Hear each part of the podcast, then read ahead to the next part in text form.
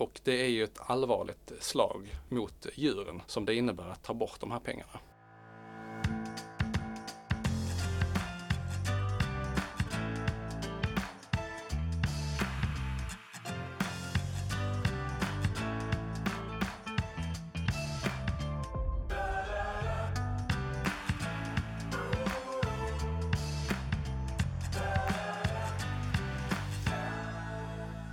Hej och hjärtligt välkomna till Djurens Rätts podd på Djurens Sida. Jag heter Sebastian Wiklund och arbetar som samhällspolitisk chef hos oss på Djurens Rätt. Jag sitter här tillsammans med Matilda Antti, politisk sakkunnig på Djurens Rätt.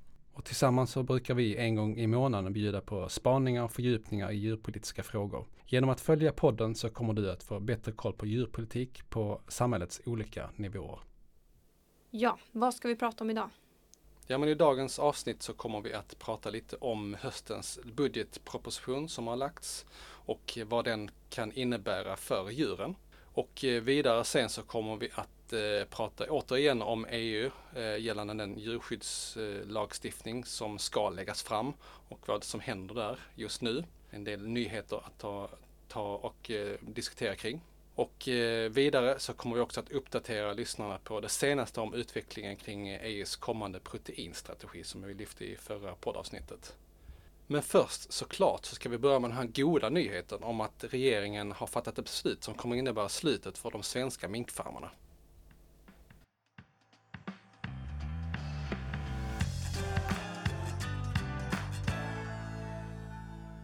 Jag tänkte att även fast vi i senaste avsnittet av På djurens sida körde ett stort fokus på det, är regeringens minkbesked så kan vi inte låta bli att nämna det här också.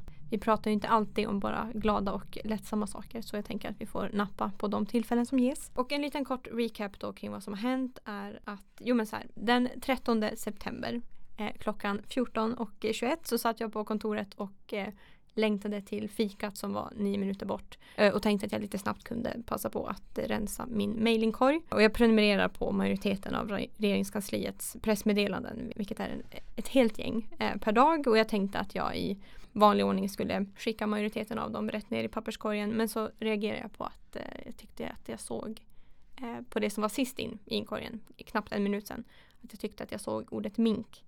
Eh, så jag läste rubriken Eh, ekonomiskt stöd för att avveckla minkuppfödning.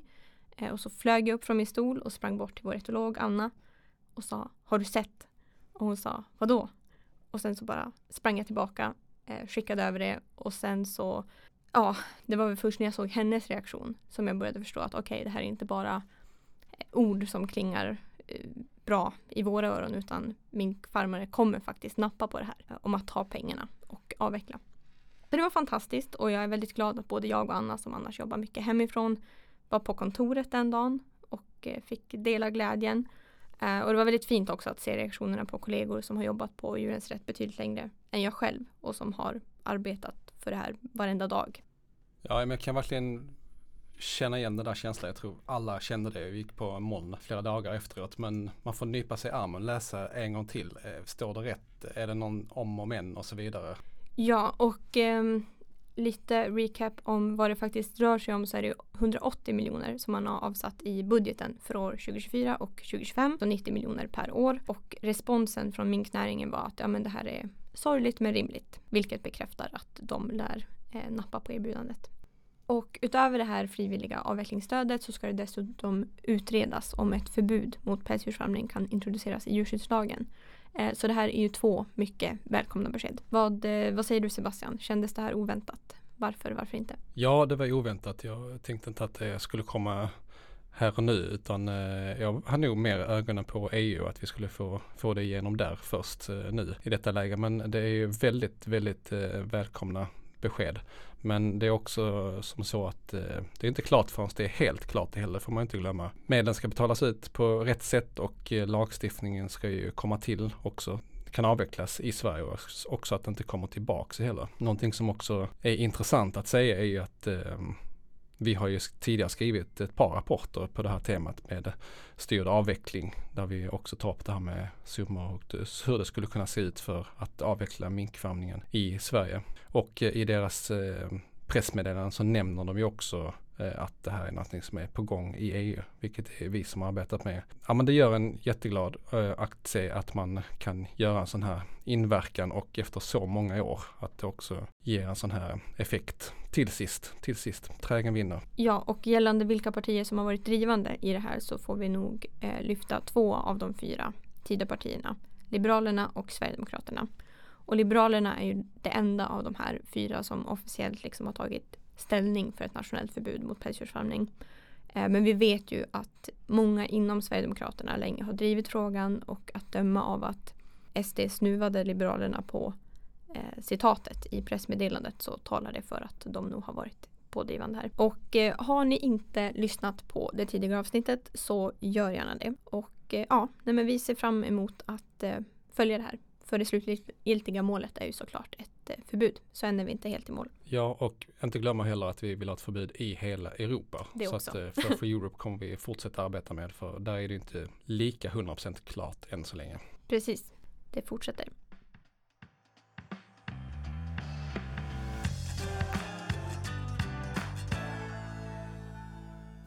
Ja, vi ska prata lite om budgetpropositionen som regeringen M, KD, L har lagt eh, tillsammans med SD. Vi har ju fått eh, spela in det här lite i efterhand så ljudet kan vara lite annorlunda och detta är ju därför att vi upptäckte en eh, dålig sak med budgetpropositionen som det är, vi har all anledning att ta upp. Och så lyssnarna vet det så är det ju nu tisdagen den 3 oktober som vi spelar in detta här.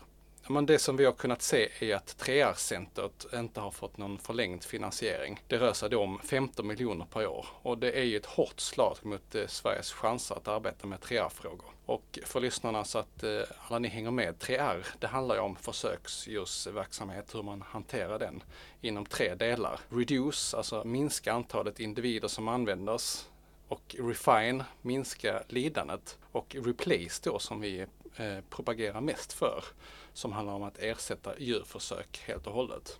Och eh, så här är det att när det inte finns några öronmärkta medel för detta så finns det ju risk att centrets verksamhet bantas ner rejält. Det står ju förvisso i budgeten att centret ska vara kvar men de öronmärkta pengarna försvinner så som vi ser det. Och det är risk för hur Sverige ska kunna ta nästa steg för att kunna arbeta med djurfria metoder genom att till exempel eh, eh, utveckla handlingsplaner som vi har pratat om mycket här.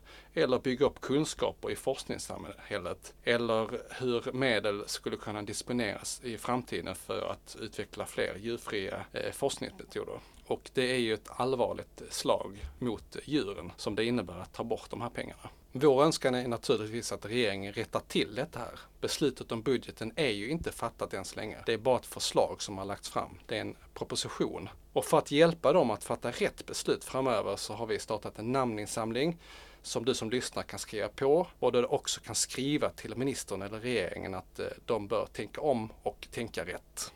Ja, gör gärna det. Vi vill ju verkligen visa att eh, opinionen är stark i den här frågan. Det vet vi redan att den är. Och, eh, kan vi lägga till det att eh, när vi läste igenom budgetpropositionen så anade vi inga orosmoln vid en första anblick utan det fanns ett stycke som hade rubriken Fortsatt arbete med att ersätta, begränsa och förfina användning av djurförsök. Där man liksom formulerade sig på samma sätt som, om man, som man hade kunnat göra om de här siffrorna faktiskt fanns med också. Så att det, det är just bara att, att eh, ja, pengarna saknas.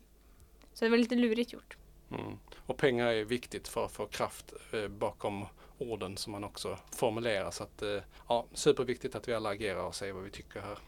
Ja, finns det någonting annat vi vill säga om den här budgeten?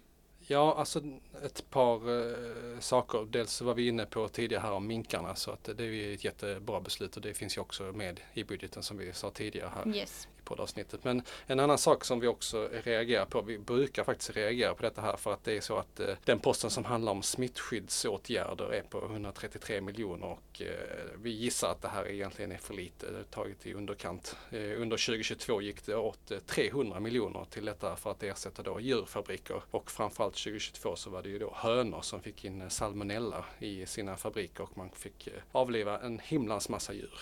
Eh, mm. Vilket är tragiskt men det är otroligt mycket skattepengar också. Och eh, man brukar budgetera för lite för de här pengarna och eh, jag tror att man har gjort det till 2024 också. Annars så är det så att oppositionens skuggbudgetar, budgetmotioner har ju inte lagts än så länge när vi spelar in den här podden. Så vi vet ju inte exakt hur de ser ut men vi får väl anledning till att återkomma kring det och berätta lite mer om vad de har skrivit. Mm, absolut. Nästa avsnitt.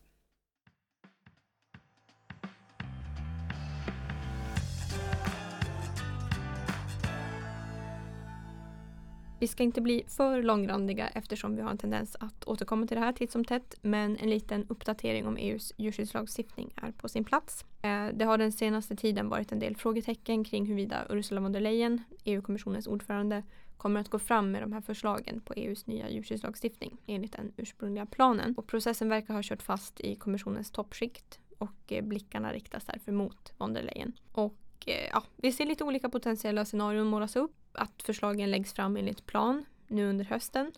Eh, att delar av förslaget eller ett urvattnat förslag läggs fram. Att förslaget skjuts upp till nästa mandatperiod. Eller att förslagen skrotas helt. Ja. Jag, jag tänker också att eh, det är svårt att egentligen läsa in eh, så mycket om det här State of the Union-talet som hon eh, höll. Eller rättare sagt alla försöker läsa in en, en massa saker. Men eh, någonting som man kan dra slutsatsen av är att hon kanske själv vill också kandidera ytterligare en eh, mandatperiod och då försöker hon liksom hålla opposition och eh, andra röster liksom eh, hålla god hand med dem liksom. Mm. Så det är lite svårt att veta vad, vad hon menar när hon egentligen utesluter saker ifrån talet. Ja, precis.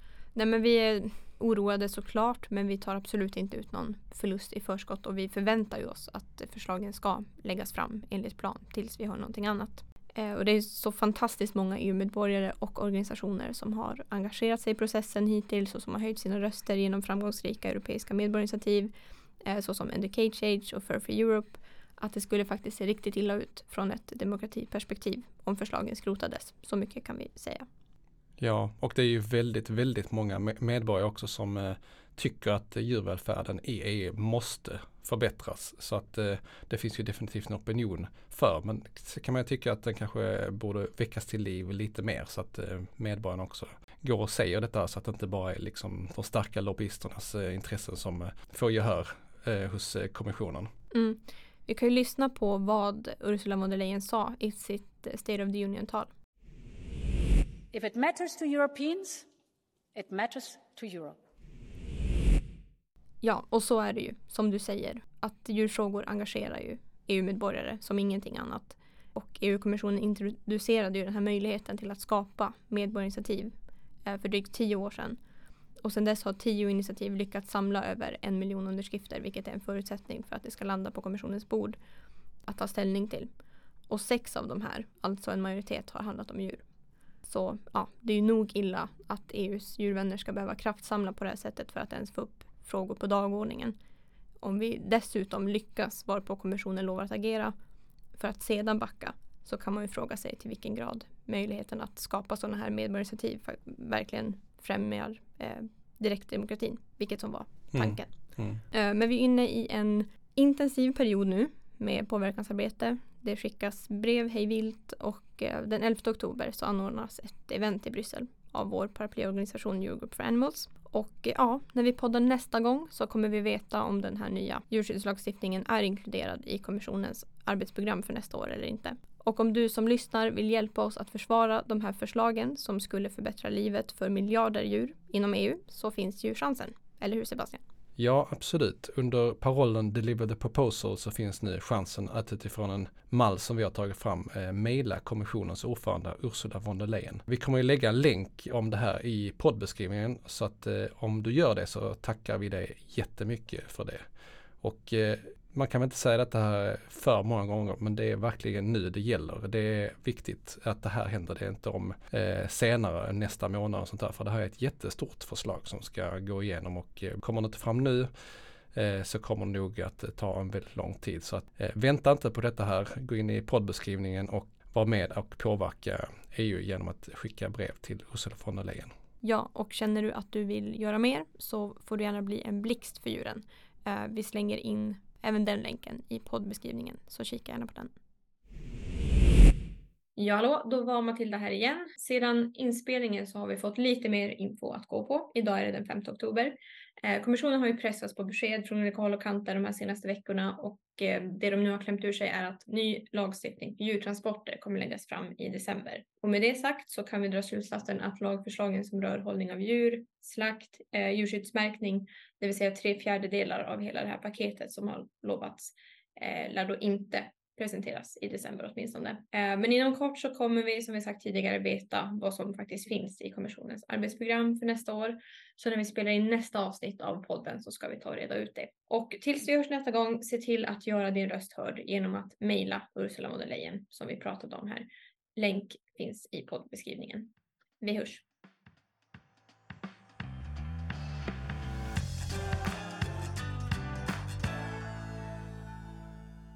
Okej, jag tänkte också ta upp lite kort om proteinstrategin som vi pratade om i förra poddavsnittet. Det har ju varit nu en omröstning om det här i Agri som är utskottet för eh, jordbrukspolitiska eh, frågor. Det har ändrats lite av det förslaget som vi pratade om i förra podden men eh, i huvudsak inte skulle jag säga. Det är fem stycken eh, punkter som eh, vi vill gärna se som jag tog upp då och det är att eh, det växtbaserade proteinet ska gå till humankonsumtion och inte till djurfoder. Två, att vi investerar i forskning och utveckling för eh, att ta fram fler eh, växtbaserade proteinalternativ. Eh, och tre, att man också satsar på att utveckla marknaden för växtbaserade proteiner. Fyra, kopplar eh, samman då proteinstrategin med djurvälfärd. För djurvälfärd är inte någonting som eh, nämns så att säga i det här förslaget. Och sen sist då också att man uttalar en försiktighetsprincip eh, gällande insekter. Det pratade vi en hel del om förra gången också. Så att man inte det är en industri som man bara sätter igång utan att beakta djurvälfärdsfrågorna. Och nästa steg i den här processen då är att eh, det här ska debatteras i plenum som är då den 16 oktober och eh, vi kommer följa detta här och eh, uppmärksamma det för våra parlamentariker och skriva om det på vår webb såklart.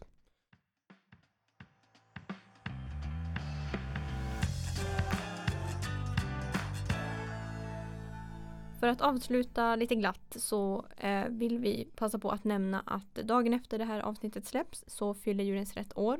141 år närmare bestämt. Inte lika speciell födelsedag som förra året kanske. Men en milstolpe som vi särskilt kommer att minnas eh, det här året för är ju såklart minkbeslutet. Så jag uppmanar som sagt dig som lyssnar att spana in det senaste avsnittet om du har missat det. Det är värt att eh, stanna upp och fira en sån grej.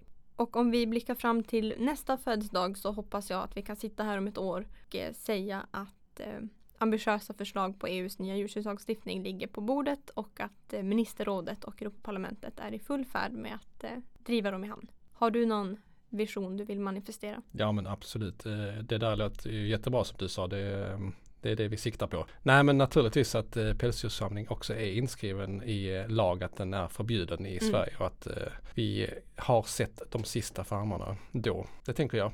Så grattis Djurens Rätt på 141-årsdagen och eh, tack till våra medlemmar som gör det här arbetet möjligt.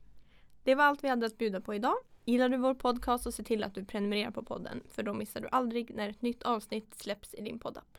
Och till sist så vill vi tacka dig som har lyssnat idag. Och det är tack vare våra månadsgivare som vi kan fortsätta göra skillnad för de djur som är flest och har det sämst. Och vi behöver din hjälp mer än någonsin. Gå in på djurensrätt.se och bli månadsgivare idag. Och vill du som lyssnar tycka till om podden eller komma med önskemål på ämnen eller gäster Maila oss gärna på podcast.djurensrätt.se. Ha det fint tills vi hörs nästa gång och tack för att du står på djurens sida. Hej då!